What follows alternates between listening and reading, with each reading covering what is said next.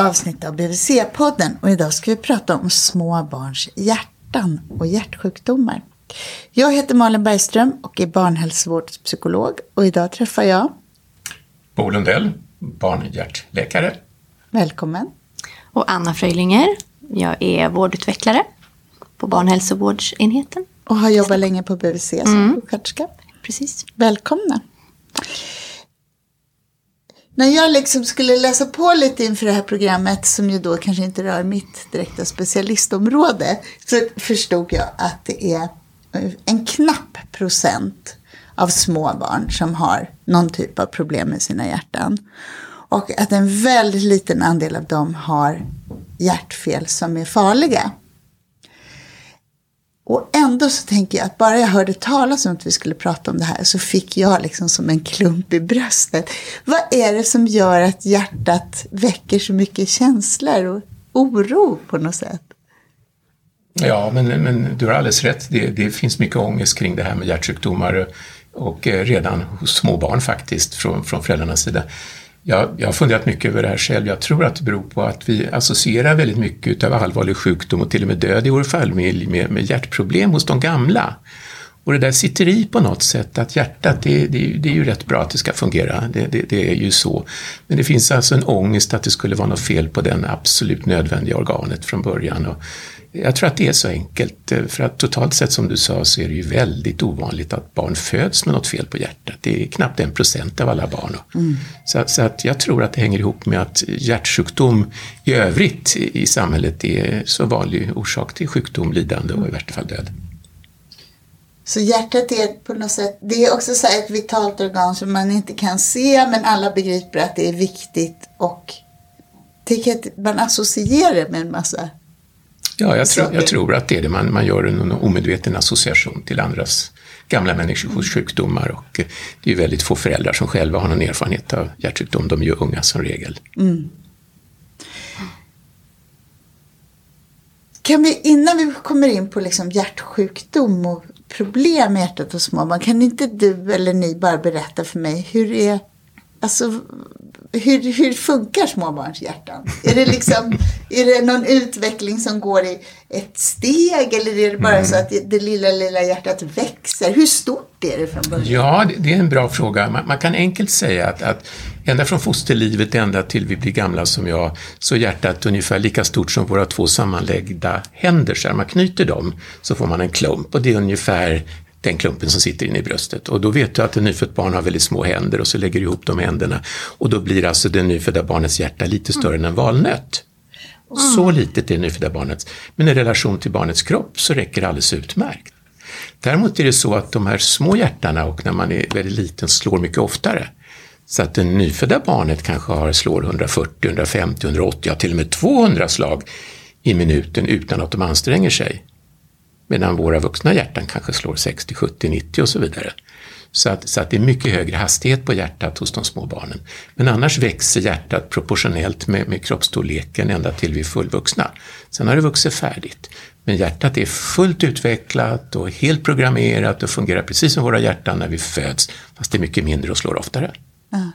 Och det här att det slår oftare, var, var, hur, var, varför är det så? Det är för att det ska orka pumpa tillräckligt med blod. I och med att det är så litet hjärta så innehåller varje hjärtslag så liten mängd blod. Då får man slå många slag istället. Ah, det, är det, det, är precis som när vi idrottar, vi vuxna. Då slår det också fortare för att försörja oss med det blod som vi behöver.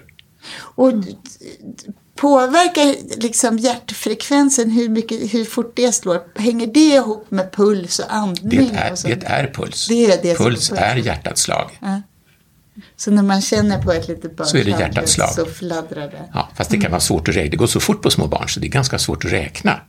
Det går väldigt fort. Och små barn kan ha jättehög hjärtfrekvens som det kallas, över, en bra bit över 200 och det är ändå normalt. För att den där varierar mellan individer? Ja, något gör det det, men, men, generellt sett så, så har man hög hjärtfrekvens från födelsen och från fosterlivet som långsamt sjunker till dess man når vuxen ålder. Och sen, och sen så stabiliseras det någon gång när man är vuxen? Ja, när man har vuxit färdigt så är hjärtfrekvensen i vila normal, men när varje gång vi anstränger sig så, så blir den ju tvåfaldigad eller till och med trefaldigad. Absolut. Och den påverkas också av andra stresstillstånd, även om jag inte är fysiskt Absolut, liksom, det gör det. det gör det. Vi pratade om det där med oron för det här lilla, lilla hjärtat. Men vad är det som kan vara fel på det då? Om man pratar om hjärtsjukdomar hos Ja, barn jag tror att historiskt sett så har man nog tänkt sig mest hjärtfel, medfödda hjärtfel när man pratar om hjärtsjukdomar hos, hos barn. Och det är alltså vad vi kallar för missbildningar på hjärtat. Och det är väldigt ovanligt. Det är knappt en procent av alla barn som, som föds med något fel på hjärtat. Och idag med den fina eh, undersökningsmöjlighet vi har under fosterlivet så är nästan alla allvarliga hjärtfelen kända vid födelsen. Så det är väldigt få barn som föds med ett svårt hjärtfel utan att det redan är känt.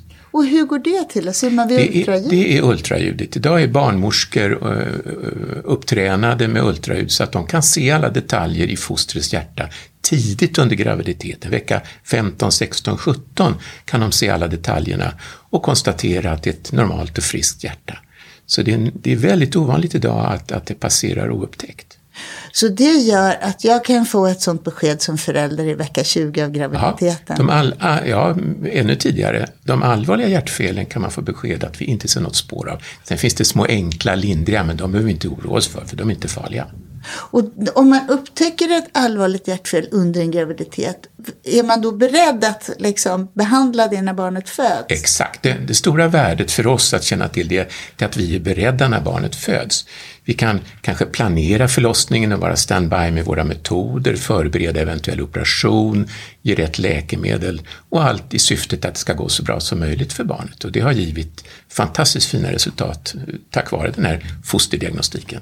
När du säger så här fantastiskt fina resultat, betyder det att man kan göra mycket åt Ja. även allvarliga hjärtfel? Idag, idag är, det har varit en otrolig utveckling under de sista 50-60 åren.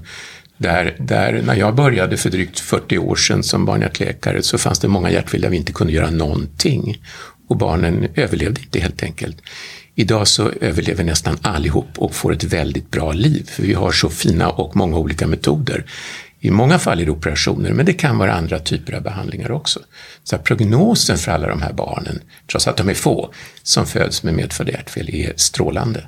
Så även om föräldrar får ett sånt där jobbigt besked under graviditeten så kan man också lugna dem och ge tillförsikt. I nästan alla fall så kan vi göra väldigt mycket för barnet och ge de allra flesta ett i det närmaste helt normalt liv. Det är fantastiskt. Då- Det där har du varit med om under ditt Jag har varit med om yrkesliv. hela den resan. Ja, Ja, det, har, det har varit en fantastisk förmån att få se det här hända och vara en del av det. Anna, hur är det på BVC? Om, man, om det är så att de flesta hjärtproblem är kända redan när, när man liksom skrivs in på BVC, hur påverkar det vårdplanering och sådär? Nej men det är ju som, eh, som du säger båt. Vi, det är ju inte mycket som vi eh, upptäcker på BVC. Utan det som det kan vara det är ju att man upptäcker något blåsljud kanske på någon rutinkontroll. Det tänker jag på. Och det, Eh, det, det är också någonting förstås som oroar föräldrarna om de får höra att ert barn har ett blåsljud. Ja, vad är ett blåsljud? Ja, ett blåsljud, det är, det är ett ljud som hjärtat ger ifrån sig. Eh, och de allra, allra flesta fallen utav blåsljud hos barn, både små barn och lite större barn, är helt friska barn. Det är alltså normalt att ha ett blåsljud. Det är helt enkelt, ni vet att blodet pumpas ut ur hjärtat med en väldig fart. Och att det blir lite turbulens i blodströmmen som ger ifrån sig ett ljud, det är alldeles normalt. Kan, kan, vad, alltså, kan jag få en illustration? Vad, hur låter ett blåsljud? Ja, det, det är svårt att göra, för det är ett väldigt speciellt ljud, men det, det kan vara ett litet pst, pst, pst, Okej. pst, ett litet väsande ljud som inte går att höra med annat än med ett tränat öra och ett bra stetoskop. Ja. Och när gör man de här undersökningarna på BVC? När lyssnar man på BVC? Ja, det är ju läkaren som gör det. Och då har vi tre rutinkontroller på BVC under barnets första levnadsår. Så det är vid fyra veckors ålder, vid sex månader och tio månader. Så när det är man då lyssnar. man kollar liksom första året. Mm. Och om man då, hur vanligt är det att man hör ett sånt här blåsljud? Ja, un- under den eh, ålders, i den åldersgruppen, alltså före ett års ålder, så är det ganska ovanligt. Men, jag, jag kan inte ge något exakt därför att det beror lite på hur pass känsliga öron doktorn har. Eh, men eh, jag skulle gissa att vi talar om kanske en 10 procent kan man höra ett normalt blåsljud hos friska barn under ett års ålder. Men går vi upp till skolåldern, då kan det vara 30-40 procent som har normala blåsljud. Men de är friska, det är det budskapet. Det är normalt att ha ett blåsljud. Jaha, så var tredje unge i förskoleåldern har Ja. ett hjärta som låter lite Ja, grann? Ja. precis. Och lika normalt som att vara blåögd eller blond eller vad du vill. Okej. Det är ingenting som kommer ge symptom sen. Nej, absolut inte. Och en, trä, en tränad doktor, han kan med sitt öra fastställa att det är ett normalt blåsljud. Han kan titta på barnet förstås och göra några enkla undersökningar på BVC. Men de flesta läkare känner igen det här för de är typiska i våra öron, de här blåsljuden. Och så säger man, det här är ett normalt litet blåsljud. Det kommer att höras när ditt barn växer upp, men det försvinner sen när barnet är vuxet. Men det är normalt. Det är ingen sjukdom bakom, så glöm bort det. Men vi brukar tala om att vi hör det. För sen kommer nästa doktor på akutmottagningen och säger, vet ni om att ert barn har ett blåsljud? Och då blir man orolig. Så att i nästan alla fall är blåsljuden normala. Sen finns det en liten, liten grupp där det kan vara tecken på ett hjärtfel. Och därför ska doktorn, om man är osäker, så remitterar han barnet till oss på en sån här hjärtklinik för barn. Och då gör våra tekniker en ultraljudsundersökning. Och då kan de med 100% säkerhet fastställa att det är ett friskt, normalt hjärta med ett normalt blåsljud som saknar betydelse. Så för de allra flesta barn, om vi nu tänker de undersökningar som du beskrev Anna, under barnets första år. Om man då blir remitterad, då är chansen väldigt stor att det här inte är Alldeles riktigt, men vi måste, vi får inte helt glömma bort att det finns ett fåtal barn som ändå har någonting bakomliggande, så att vi behöver göra en undersökning. Och vad kan det vara då som ligger bakom? Det kan vara enklare medfödda hjärtfel, till exempel sådana som man inte har sett under fosterlivet när man gjorde ultraljud på, på fostret. Eh, Det kan vara något litet hål mellan hjärtats bägge kammare eller någon liten lätt klaffförändring och sånt där. Men det är väldigt ovanligt att det är något farligt. Och många av de där felen behöver man inte göra någonting åt. Det gör inget om man har ett litet fel. De bara kan man leva med ändå. Man känner till dem. Fullständigt normalt. Vad, om, man, vad, om man tänker att det ändå är någonting som, är, som barnet lider av eller så. Mm. Finns det andra symptom på att det är något problem med barns hjärta än att man hör det där blåsljudet? Men ni, ni tittar ju på vissa saker rutinmässigt, ni sköterskor på BVC. Ja, vi väger ju till exempel och, och mäter så att vi ser att barnet har en, en eh, normal viktuppgång. Och, Och det är jät- jätteviktigt därför att har man någon allvarlig hjärtsjukdom så påverkar nästan alltid viktutvecklingen. Mera viktutveckling än längdutveckling. Så viktkurvan är, är viktig, men den är väldigt ospecifik. Man kan ju gå upp dåligt i vikt av andra skäl. mm, precis. Men den är viktig. Men v- vad, och vad kan det mer vara? Ehm, nej men sen eh, om det nu skulle vara så att barnet eh, släpper taget kanske, nu pratar om det lilla barnet, mm, vid amning till exempel, om man skulle eh, märka att det blir eh, andfått, inte verkar orka äta, då kan man ju fundera på vad det kan bero på, om det är någon infektion eller om det kan vara något annat. Liksom. Men det är jättebra, det, det är också ospecifikt. Det kan någon enstaka gång vara ett tecken på en hjärtsjukdom. Så att då, då ber man doktorn komplettera med en undersökning och lyssna på barnet om man gör en sån observation. Sen det som vi kan få frågor om eh, från föräldrar, eh, framförallt när det gäller nyfödda, det är om cirkulationen. Det är ofta att eh, fötter och händer är kalla. Mm. Och det, är ju, det finns väl inte ett barn som aldrig- som inte haft kalla fötter eller varit blå om läpparna i något tillfälle. Eh, och det är alltså inte ett tecken på någon hjärtsjukdom eller dålig cirkulation utan det, det är så hos oss alla och särskilt på de små barnet att om vi blir lite avkylda, om vi klär av oss kläderna eller om vi är ute, ute på sommaren utomhus eller har badat kallbad så försöker kroppen spara på värme. Och det första kroppen gör det är att de drar ner på cirkulationen ute i fingrarna och fötterna och huden i övrigt. Och då blir man blå där. Det är normalt. Det är ett hälsotecken, det är inget konstigt. Det finns enstaka barn till och med som, som ser lite blå ut om läpparna när de äter. För de andas lite dåligt för de är så ivriga på att äta. Det är också normalt. Så att det här med, med blåa händer och fötter, det har ingenting med hjärtsjukdom att göra. Och är man blå, blå om läpparna så behöver det inte ha med det att göra. Men, men vi som är vana, vi tittar inuti munnen där man alltid är varm. Är man rosig inuti munnen, då är det absolut inget fel på syresättningen. Sen kan man ju mäta det, men det gör man inte på BVC. Men det går ju enkelt att mäta och bara avskriva. Men det är alltså vanligt att vara blå om händer och fötter och blek i huden och kall, om- kall om händer och fötter. Bara av lite avkylning som kanske inte föräldrarna reagerar på. Det är normalt. Jag får liksom inte riktigt ihop det för att ni beskrev hur nästan alla allvarliga hjärtproblem är upptäckta vid födelsen. Och ändå så finns det en sån där oro som lever då, Anna. Ja, precis. Som man tänker, för jag tänker när du säger ett barn som släpper bröstet eller verkar slött eller går upp dåligt i vikt. Mm. Eh, men jag tänker att det där är verkligen, det kan vara precis vad som helst. Ja. Men det, det, det där lever ändå kvar. Kanske att man tänker någonstans det liksom, bara, det får inte vara det värsta eller att det är så, lite som du var inne på i början, att det är så centralt med hjärtat och eh, så förutsättning för liv liksom så att man vill eh, utesluta att det, att det är någonting med det kanske. Ja, nej, absolut. Jag tror att det är oron det som ligger bakom. Sen finns det förstås något enstaka barn där ett sådant symptom ändå har varit del i en hjärtsjukdomssymptom, men de är så ovanliga. Men kan det också vara så att man kanske inte har ett medfött hjärtfel men förvärvar det? Ja, det, det, det finns ju enstaka barn som drabbas av hjärtsjukdomar som inte man hade från början. Och det, det rör sig någon enstaka gång om barn som får en inflammation på hjärtmuskeln så att hjärtat blir trött och barnen visar tecken på sviktande hjärtfunktion och då kan det yttra sig som att man inte orkar äta, inte orkar amma, inte orkar springa, inte orkar leka. Ehm, Det, det, det, så kan det vara. Så att man, man ska inte helt bortse från möjligheten, men, men i de allra, allra flesta fallen så, så har det andra orsaker till att man inte äter som föräldrarna önskar. Men det som ni beskriver det är ändå så här sjukdoms... Alltså dåligt allmäntillstånd, sjukdomstecken lite generellt. Där man Precis. ibland då behöver gå vidare med något sånt där. riktigt. Ja.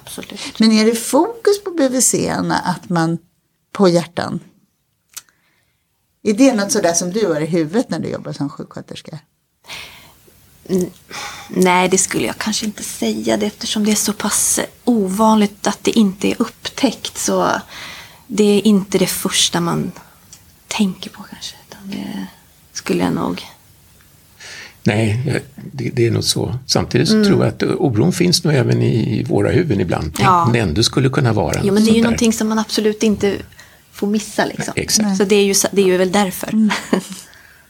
Och det, det är därför att det finns ju enstaka barn som faktiskt får väldigt allvarliga debutsymptom. Och det är väl det man blir rädd för. Och vad kan det vara? Ja, nu talar vi om lite större barn. Det är väldigt ovanligt att det drabbar under BVC-åldern, utan nu talar vi om större barn. Och det är det här man läser på löpsedlarna, att, att barn under idrott ramlar ner och i värsta fall dör plötsligt. Men det har ingenting med, med medfödd hjärtsjukdom eller sånt, utan det har möjligen med ärftliga sjukdomar i familjen att göra. Och då, då, är det, då hör det till, tillhör en helt annan grupp. Och då är barnen som regel större. Det är extremt ovanligt att det drabbar barn i förskoleåldern. Eh, men där har hälsovården en, en, en liten roll tycker jag, att lite grann hålla öronen öppna för konstiga händelser i familjen hos föräldrar, syskon, allra närmaste familjen med plötsliga oförklarade dödsfall i familjen. Det kan dölja sig ärftliga sjukdomar bakom det som vi idag med våra enkla undersökningsmetoder kan fastställa. Och då kan vi enkelt ge de barnen en förebyggande behandling som gör att de aldrig behöver drabbas av något allvarligt och lever ett helt normalt liv. Så att vinsten är enormt stor. Men nu är vi inne på en på 10 000 och år, alltså det är väldigt ovanliga saker. Men, men eh, vi vill gärna att man ändå känner till det här på BVC och övrig hälsovård så att man kan skicka dem till utredning, de här få det gäller, för där kan vi verkligen göra en insats. Men där ser man ingenting på deras Nej, hjärtan. för ingenting. De är friska. Nej. Men... Man måste ta ett genetiskt prov, Ja. analyserat prov. Och det är så att hjärtsjukdom är ärftlig? Även... Nej, nej, det behöver den inte vara. Det behöver den inte vara. Nu har vi pratat om till exempel de här medfödda hjärtfelen. De är så regel inte ärftliga, eller ärftligheten är väldigt svag. Det finns andra orsaker, men ärftlighet är en väldigt svag faktor. Sen finns det de här ungdomarna som i värsta fall drabbas när de idrottar. Där finns det en ganska stor andel som har ett ärftligt anlag för en sjukdom, antingen hjärtmuskelsjukdom eller rytmrubbning. Där, där finns det en stark genetik. Och det här med att drabbas av en inflammation i hjärtmuskeln, det har ingenting med ärftlighet att göra. Så att det är väldigt olika. Vad skulle vi kunna tänka oss att ställa för frågor för att fånga upp det på BVC då? Ja, vi, vi har ju föreslagit att man ändå, och det är kanske mer i skolhälsovården, men man kan väl börja redan inom barnhälsovården och förskoleåldern att ta en enkel sjukhistoria på familjen. Finns det några plötsliga, oväntade, oförklarade dödsfall i familjen? Mm. Och då talar vi före 35 års ålder, alltså unga individer, inte gamla farmor eller något sånt där, utan unga individer. Och det finns en speciell situation som vi tycker är viktig, det är där någon simkunnig har drunknat. Så när simkunniga drunka, drunknar så kan det ligga en rytmrubbning i hjärtat bakom som är ett tecken på en familjär sjukdom där vi kan förebygga sådana händelser. Så just det där när man hör att, att, att eh, kusinen som var 15 år drunknade fast han var jätteduktig på att simma, då ska varningsklockorna ringa och man ska skicka nära släktingar på utredning. Mm. Mm. Det här är ovanliga grejer vi pratar mm, om nu, mm, mm. men vi kan göra så mycket för de här familjerna. Det är därför vi är angelägna om att hitta dem. Så det handlar väl mer om att ställa enkla frågor. Mm. Eh, och vara lyhörd när föräldrarna berättar någonting. Mm. För de berättar ju mycket för er om mm. saker som har hänt. Ja, precis. Mm. Finns det andra symptom, Anna, som ni pratar om på BVC som handlar om barns hjärtan och som väcker oro? Som vi kan lugna lite kring? Um, andningen kanske. Kan det vara något? Att ibland kan vi få lite frågor. Men det handlar också ofta om nyfödda. Mm. Eh, att de andas oregelbundet, mm. andas snabbt, mm. lite andningspauser. Mm. Eh, det tangerar lite också. Mm. Och det, så bete, precis som du beskriver så beter sig friska barn mm. också. Så, att, så att det, det, är inte så lätt att ge enkla svar. Men återigen, om man hör en sån sak, men framför sig har ett välmående barn som tycks andas på vanligt sätt och ser fin ut i färgen och följer sin viktkurva så skulle jag inte vara det minsta orolig för att det finns någon bakomliggande hjärtsjukdom inte. Nej, precis. Utan finns det någon hjärtsjukdom som skulle ge sådana symptom, då finns de ju där hela tiden. Mm. Sen ökar de när man anstränger sig, det vill säga när man äter eller ammas. Mm. Då ökar symptomen, men de finns där hela tiden. Mm. Och ni som är vana att titta på nyfödda barn på BVC, ni ser ju bara genom att klä av ett barn om andningen ser normal ut. Mm. Sen att det varierar, ibland går det fort, ibland går det långsamt, ibland gör de långa pauser. Det är normalt. Mm.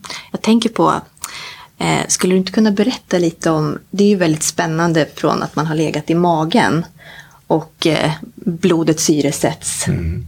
Från navelsträngen och sen helt plötsligt när man kommer ut. Ja. ja, det är en, det är en fantastisk omställning som sker. Hur funkar det där ja. Jo, men det vet vi, vet vi ganska bra. Det har man känt till i flera hundra år hur det fungerar. Eh, och det, det är som du säger att under fosterlivet så sker ju all syresättning genom moderkakan och all tillförsel av näringsämnen så att barnet växer i magen via moderkakan. Och sen plötsligt, och, och, plötsligt så är det någon som sätter en klämma på navelsträngen så får man klara både andningen och, och eh, energiförsörjningen själv. Så det är en dramatisk omställning som sker. Men, men hela, hela utvecklingen har gjort att barnet är förberett på det.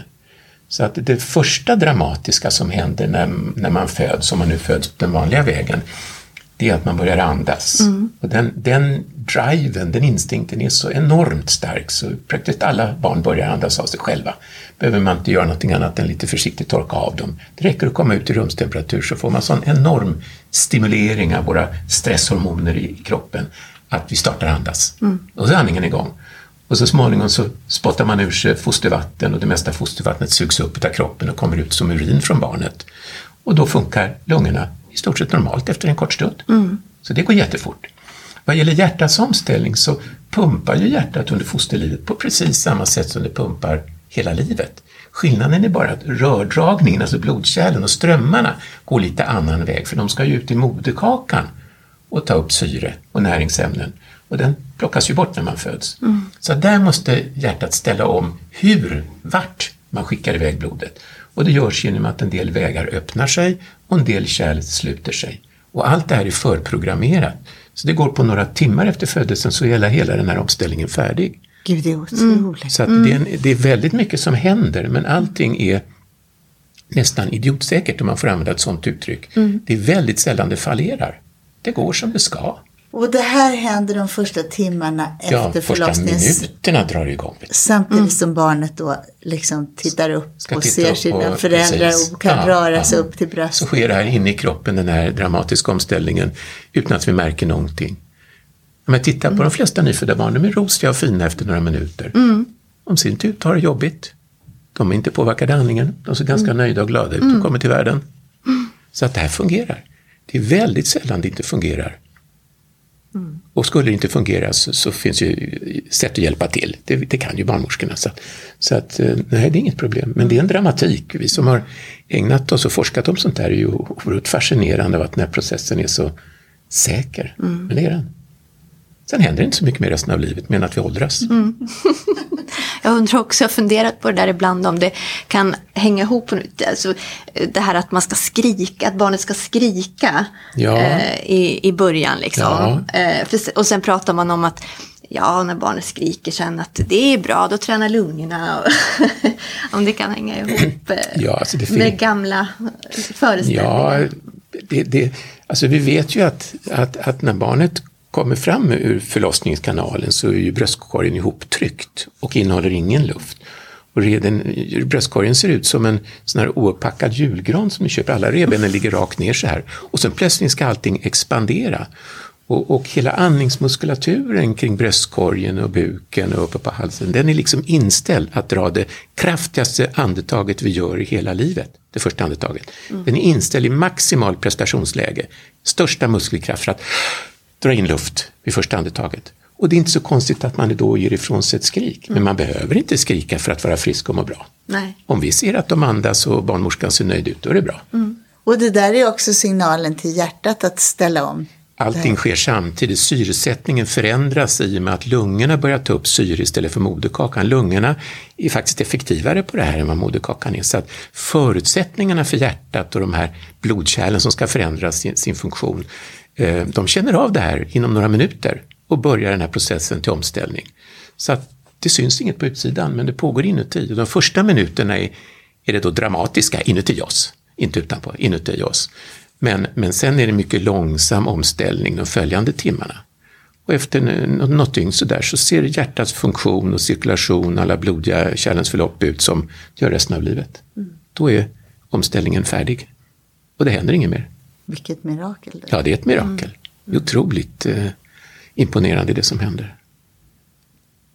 Om man vill ha lite mer information eller om det nu är någonting med ens barn mm. och man vill ha, ja, läsa på mm. eller få kontakt med andra eller så, har ni några tips? Det finns ju väldigt mycket eh, på, på, nätet men det finns också väldigt mycket information som inte är så, är så bra formulerad eller som utgår från enstaka erfarenheter. Så att det är bättre då att vända sig till, till eh, några som har stor kunskap. I Sverige har vi ju en hjärtebarnsförening, heter en föräldraförening, som har en hemsida på nätet och med länkar till de sjukhus som har väldigt mycket medicinsk information. Så det är bättre att gå den vägen kanske än, än att, att lyssna på e, enstaka föräldrars beskrivningar, för det blir ju bara från deras barn. Och varje barn är ju unikt, va? så det stämmer ju inte på ditt barn i så fall. Så det skulle bli mitt råd att gå in via den portalen. Det finns också en, en europeisk organisation, men den, den länken finns via Hjärtebarnsföreningen som den heter. Då kan vi länka så det, det räcker att, att känna till den ingången så finns det väldigt mycket vidare koppling att få där. Jag har bara liksom en liten fråga kvar som är till dig Anna, om det nu är så att man har upptäckt någonting jättetidigt, att det är något problem med barnets hjärta, påverkar det BVC-tiden då? Har man liksom extra kontroller eller är allt sånt där individuellt eller finns det något särskilt liksom omhändertagande på BVC som ändras utifrån det? Om man har en eh, medfödd eh, hjärtsjukdom? Ja, eller? precis. Eller är det bara så att man har parallellkontakt med hjärtspecialister? Nej, men vi, vi är beroende av BVC. Vi, vi, vi vill ha närkontakt med BVC och att kontroller görs på BVC. Men det är ju vår skyldighet att, att hjälpa BVC och tala om vad vi vill att de ska göra för kontroller. Det handlar mest om att stötta föräldrarna och följa viktutvecklingen. Det är, det är den viktigaste funktionen. Så att våra kontroller av de här späda barnen, de ersätter inte BVC på något sätt. Så att mm. våra specialistsjuksköterskor på våra mottagningar, de tar ofta kontakt med BVC och så kommer de överens om vem som gör vad i det här. Mm. Den medicinska kontrollen ska ligga hos oss specialister och läkare och så vidare. Men, men BVC är fortfarande och ska vara en viktig kontrollstation också, inte minst för att stötta föräldrarna och, och bara följa förloppet. Och vara en, en, en, väg in till oss om man behöver en ny kontakt. Ja. Men föräldrarna, de få föräldrar som nu drabbas av det här, de får ju en direktnummer in till våra sköterskemottagningar och, är ju välkomna att ringa och få råd direkt. Mm. Men vi vill att BVC har kvar sin roll på minst enligt rutinen, men ofta blir det tätare kontroller mm. av vikt och ja, överhuvudtaget vara ett stöd för familjen. Mm. Eh, hur är det med infektioner och eh, bra, hjärtbarn? Bra att du tar upp det. De, de barn som har en allvarligare hjärtsjukdom, de kanske eh, har en nedsatt ork, de kanske växer dåligt, de kanske står på läkemedel, de kanske är opererade både en och flera gånger eller väntar på operation. De är som grupp mer utsatta för infektioner. Det betyder inte att de lättare får infektioner men betyder att de tolererar inte infektionerna lika bra. De kan bli mycket mer medtagna och svårare sjuka och kräva i värsta fall sjukhusvistelse. Så att, så att barn med symptom på hjärtfel, de ska man vara lite försiktigare med. De ska följa det vanliga vaccinationsprogrammet. Mm, att, och det är, det är, viktigt förstås, särskilt i den här gruppen, men överhuvudtaget ska ju alla barn vaccineras. Så att, så att det, det, är vad man kan göra, men sen kanske man inte behöver träffa farmor när de precis har influensa, utan man kan hoppa över den veckan så att man lite grann försöker skydda barnen. Kanske inte åker i överfulla tunnelbanevagnar i influensatider. Eh, problemet uppstår ju med syskon. Det blir mycket svårare mm. då att isolera. Det, det som vi mest ser är svårt för de här barnen, det är de här RS-infektionerna. Mm. RS-epidemierna som ju kommer varje vår, vinter. Om de drabbar eh, våra hjärtbarn så blir de oftare mycket mer medtagna. Då vaccinerar man dem då? Om, om vi har den möjligheten så ska mm. vi absolut göra det. Vi ska mm. försöka skydda dem. Mm. Det är någonting annat med vaccinationer så där som eh, vi behöver tänka på på BVC Nej, det, är snarare Nej det, som, det, det, som, det påverkar inte deras förmåga att tillgodogöra sig vaccinet, att få ett skydd, utan det är jämförbart med alla andra barn. Mm. Men det är då särskilt viktigt att de är välvaccinerade mm. och skyddade, att vi erbjuder vaccin mot de sjukdomar vi kan. Mm. Eh, sen finns det ju många sjukdomar som vi inte kan än, mm. men som kanske i framtiden kommer innebära att vi har vaccin eller annat skydd mot dem. Men de är känsligare som grupp. Det kanske du får vara med om. Ja. Jag tänker du berätta vilken enorm utveckling ja. det har varit. Jo, det har varit en fantastisk område. utveckling mm. på det här mm. området och det är klart, helst skulle man ju vilja att alla barn var alldeles friska och levde lika länge som, som jag har fått göra och, och, och må bra. Eh, och vi är ju på väg åt det hela tiden. Jag tror att den generation som var före mig, de slogs också för bröstet och sa tänk vad vi har åstadkommit. Mm. Jag hoppas att nästa generation får göra detsamma. Mm. Det är härligt. Är det någonting som ni vill säga som vi har inte pratat om som är viktigt? tycker vi har täckt in ganska bra. Ehm, BVC har en viktig roll. Ehm, tillsammans kan vi utgöra ett bra team för de få barn som, som är hjärtsjuka. Ehm, de enstaka barn som behöver upptäckas kan ni hjälpa till med. Och eh, det finns ju väl utbyggd barnhjärtsjukvård över hela landet. Storstaden är förstås extra extra bra försedd med det. Men, men, eh, och vi har jättefina metoder idag. Det är ju ultraljud, så det är helt ofarliga undersökningsmetoder som, som vi hellre använder en gång för mycket än en gång för lite. Så att är doktorn osäker, då gör vi en sån utredning och sen får man klart besked om att barnet är friskt. Mm. Det låter vi vara de hoppfulla slutorden. Mm. Så glider vi ut från det här avsnittet. Tack för att ni var med. Tack.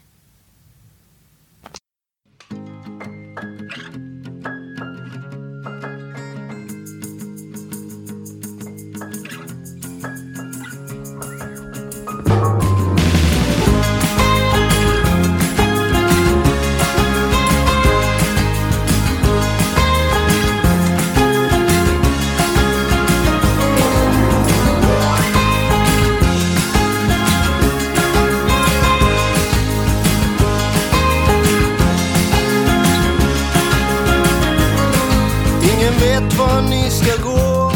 Huvudet wobblar som ett drag. Men aldrig över ytan så. Ett på djupet neverending slag. När era radiostyrda röster ömsint kittlar min fantasi. Flipper spelas under impulserna för mitt självbedrägeri. När ni skjuter ut er i natten finns det inget av mig kvar. Alla döda ögonskratten.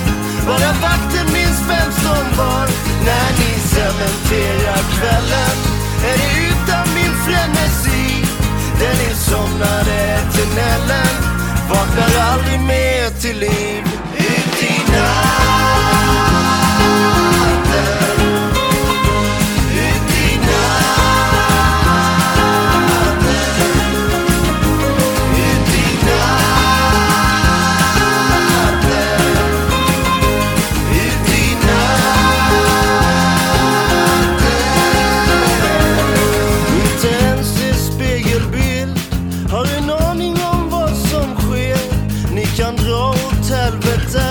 Med det där sättet som ni ler. Vi kan säkert bli bästa vänner i eternal sunshine of the spotless mind. Men inte riktigt när du bara älskar mig genom rök och vodka lime. När ni skjuter ute i natten finns det inget av mig kvar. Alla döda ögonskratten, bara vakten minns vem som var.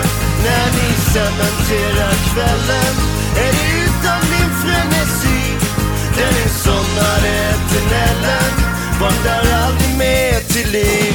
Ut i natt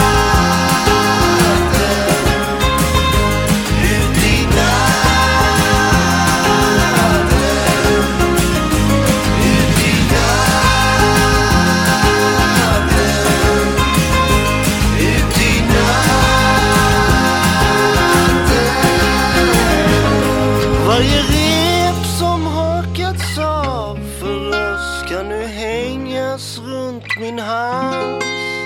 Men jag minns varenda kväll förstås och precis ingenting alls. När ni skjuter ute i natten finns det inget av mig kvar. Alla döda ögonskratten, bara vakten minns vem som var. När ni cementerar kvällen